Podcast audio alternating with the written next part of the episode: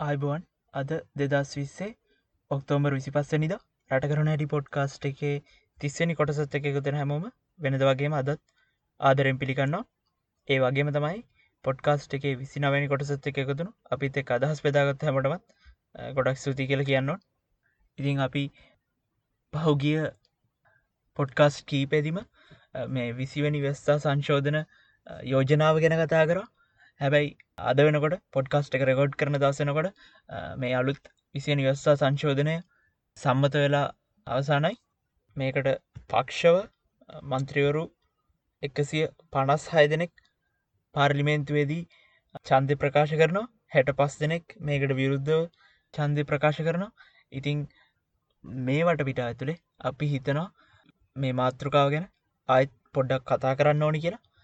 අපි දැක්ක වැස්ථා සංශෝධනය සම්මත කරන දාසයනකොට මෛත්‍රීපාල සිරිසයන හිටපු ජනාධිපතිවරය කියන දහනවය ගෙනාපු ඔහුට විසියනි වස්ථා සංශෝධනය වෙනුවෙන් අත උත්සන්න බැහැයි කියලා. ඉතිං පඹය කියලා මිනිස්සු කොච්චර බැන්නත් තමන් ඒ විශ්වාස කරන මොකක් හරි විස්කරන විශ්වාසයක් හරි මිනිස්සුන්ම රවට්ටන්න කරන විශ්වාසයක් හරි මොකක් හරි දෙයක් මත ප්‍රතිපත්තියක් මත සිරිසැන හිටපු ජනාධිපතිවරයා හිටගත්තට මේ වෙනකොට පාර්ලිමෙන්තුවේ විපක්ෂ නියෝජනය කරන මන්ත්‍රියවරු අට දෙනෙක් තමන්ගේ පෞද්ගලික වාසිතාකා විසියනිස්ථා සංශෝධනයනුවෙන් පක්ෂව චන්දය ප්‍රකාශ කරනවා. මොකද රජයට ආණ්ඩුවට ඒ වෙනකොට තිබ්බේ කතානෑකවර ඇරණකොට චන්ද එකසිය හතලිස් නවයයි එකසි පණහක් කෝනෙලා තිබ්බා.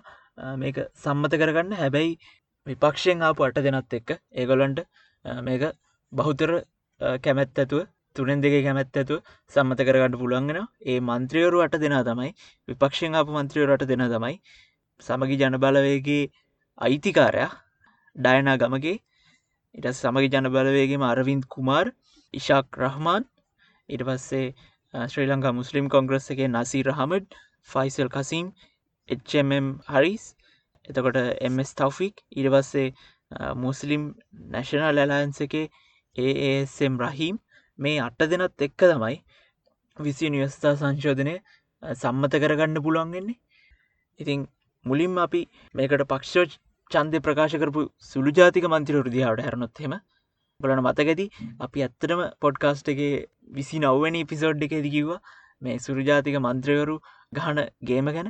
ඇත්තර මේක තිං මේ සිද්ධියත් එක්ක අප හිතනවා ඒ අපි කියපු කාරණ පොඩ්කාස්ටක් විසිනාවෙන පිසෝට් එක කියපු කාරණ තවත් තහවුරු වෙනවයි කියලා.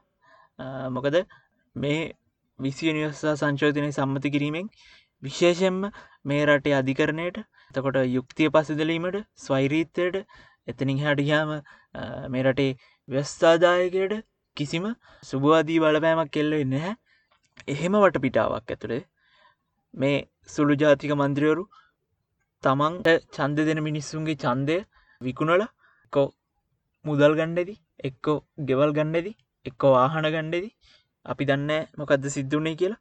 හැබැයි තමන්ව එතෙන්ට පත් කරලයපු මිනිස්සුන්ග ඒ මන්ත්‍රයවරු හත් දෙනා නියෝජනය කරයි කියලා අපි හිතන්නේ නැහැ.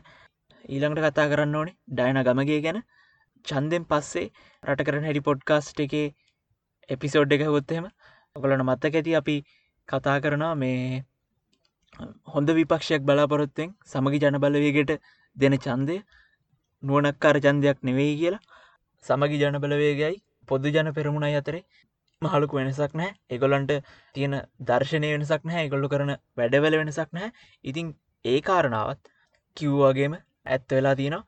දැන් ඩයනගමගේ පාර්ලිමේන්තුවට එන්නේ ජාතිකලයිස්ත්‍රිං එතකොට සමගි ජනබලයගෙනෙන් චන්දය දුන්න ලංකාව පුරාම ඉන්න මිනිස්සු මේ වෙලාවේ කණගාට වෙන්න ඕනේ. මේ වෙලාවේ තමන්ගේ චන්දය මේ වගේ පුද්ගලෙක් වෙනුවෙන් පාවිච්චි කරපෙක් ගැන. මොකද දැන් අවුරුදු ගානක් පාර්ලිමෙන්තු ගණනාවක අත්දැකීම් තියෙන මිනිස්සු තාමත් මේ වගේ දුරදිග නොබලන තීරණ ගැනීම ගැන අපිට තියන්නේ ලොකු පුදුමයක්. තිං ඒක ඒ කාරණාවක් ඊළඟට හැරෙන් ඕන මේ රටේ ඩිස්කවන්් වාමාංචික පක්ෂ දිහාවට.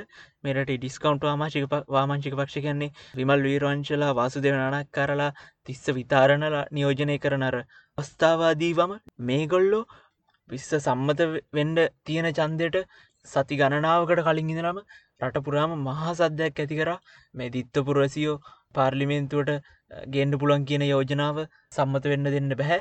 ඒක රටේ ස්වෛරීත්වයට බාධා කිරීමක් කියලා හැබැයි ගාන්ටම චන්දට දවස් කීපයකට කලින් චන්දට දවසකට කලින් මේ ගොල්ලන්ගේ සද්දෙ ටිකක් බහිනෝ මේගොල්ලෝ මාධ්‍ය සාකච්ඡාවක් ඇඳවල කියනවා.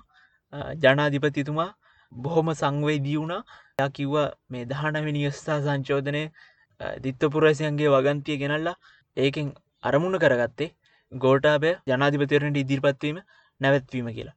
ඉතිං ඒක හන්ද මේ වෙලාවේ විස්සට පක්ෂව චන්දය ප්‍රකාශ කරනයි කියලා මේ රටේ ඩිස්කවුන්ට්වම ප්‍රකාශ කරන එතකොට මෙතැන්දි ඇතියෙන ලොකුම ප්‍රශ්න තමයි රටක ජනාධිපතිවරයෙක් තමන්ගේ පෞද්ගලික ඇරියස් එක වහගන්න තමන්ට තියෙන පෞද්ගලික අමනාපකම් වහගන්න රටක ව්‍යස්ථාව වෙනස් කරනොයි කියන්නේ ඒ රටේ දේශපාලනය කොච්චර පිරිහිලා කියල තියෙනත්. එතනින් එහාට ගිල්ලා මේක හොඳ නිදහසට කාරණාවක් කියලා හිතන්න තරම් මේ රටේ දේශපාලත්ඥයෝ මෝඩද?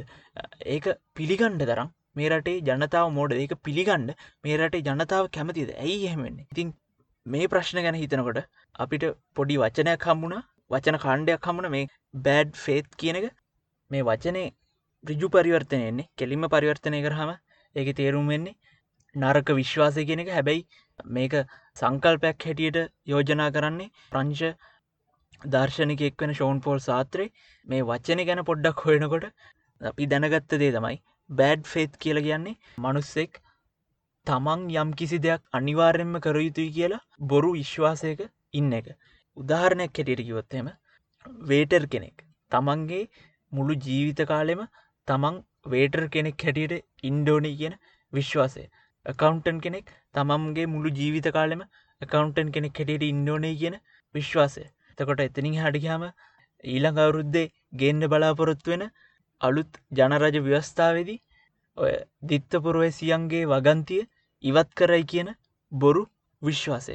ඉතිං මේ වගේ දේවල්වලට තමයි බෑඩ් ෆේත් කියල ගැන්නේ ඒ ගැන්නේ වර්තමානය ගැන බොරු විශ්වාසයකින් බොරු වැටහීමකින් ඉන්නගමන් තමන්ට තමන්වම රවට්ටා ගැනීම අද වෙනකොට ලංකාවේ ඩිස්කවුන්ට් වම කරන්නෙත් මේ බෑඩ් ෆේත්ත ඇතුළෙඳගෙන තමන්වම රවට්ට ගන්නවා. ඒ ගමම්ම ඒගොල් උත්සාහ කරනවා මේ රටේ මිනිස්සුන්ග ගොල්ලන්ට ඇහුන්කන් දෙන මිනිස්සුන්ට මේ බොරු ටික ටික පෝල ඒවා ඇත්ත කියල පෙන්නන්ඩ ඉතිං ඇත්ත කාරණා වෙන්නේ මේ ගොල්ලන්ගේ බොරු මිනිස්සුන්ට පේනවා. පෙදැක්ක විඩිය එකක් දාලා තිබ YouTubeබල ඩිස්කවුන්ට්ව මේ මාධ්‍යසාකච්ඡාව තිබ්බේ. මතකදියට කොල්වින් ආර්ධ සිල්වාගේ ගෙදර. කොල්වින් ආර්ධ සිල්ලා ජයාර්ජාවර්ධනගේ ව්‍යස්ථාව ගේන වෙලාවේ ඒ ව්‍යස්ථාව මිනිස්සුන්ගේ නිදහසට විරෝධී කියලා විරුද්ධන මනුස්සෙක් ඒ ගෙදරින්දගෙන ලංකාවේ ඩිස්කවුන්ට්වම විස්සට පක්ෂව කොල්ලින් අර්ධ සිල්ලගේ මූුණ රෙදිවලින් කවර් කරලා මාධ්‍යසාකච්ඡාවක් තියෙන ඉතින් මේවා මිනිස්සුන්ට පේනවා.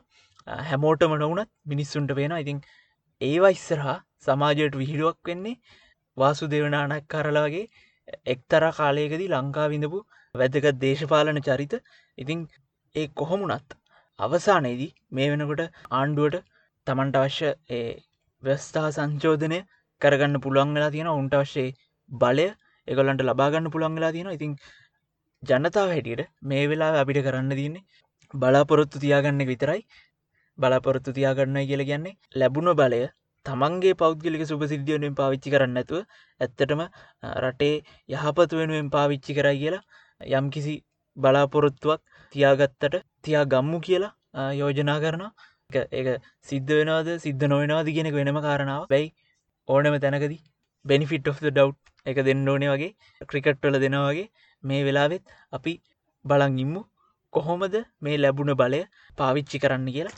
ඒකත් එක්ක අදට බොම කෙටි පොඩ්කාස්ට් එක. මේ විදිහට අවසන් කරනවා. අදත් පොඩ්කාස්ට් එකත් එක් එකතුනාට හැමෝටම ගොඩක් සූති නැවත හමනකම් අයිබුවන්.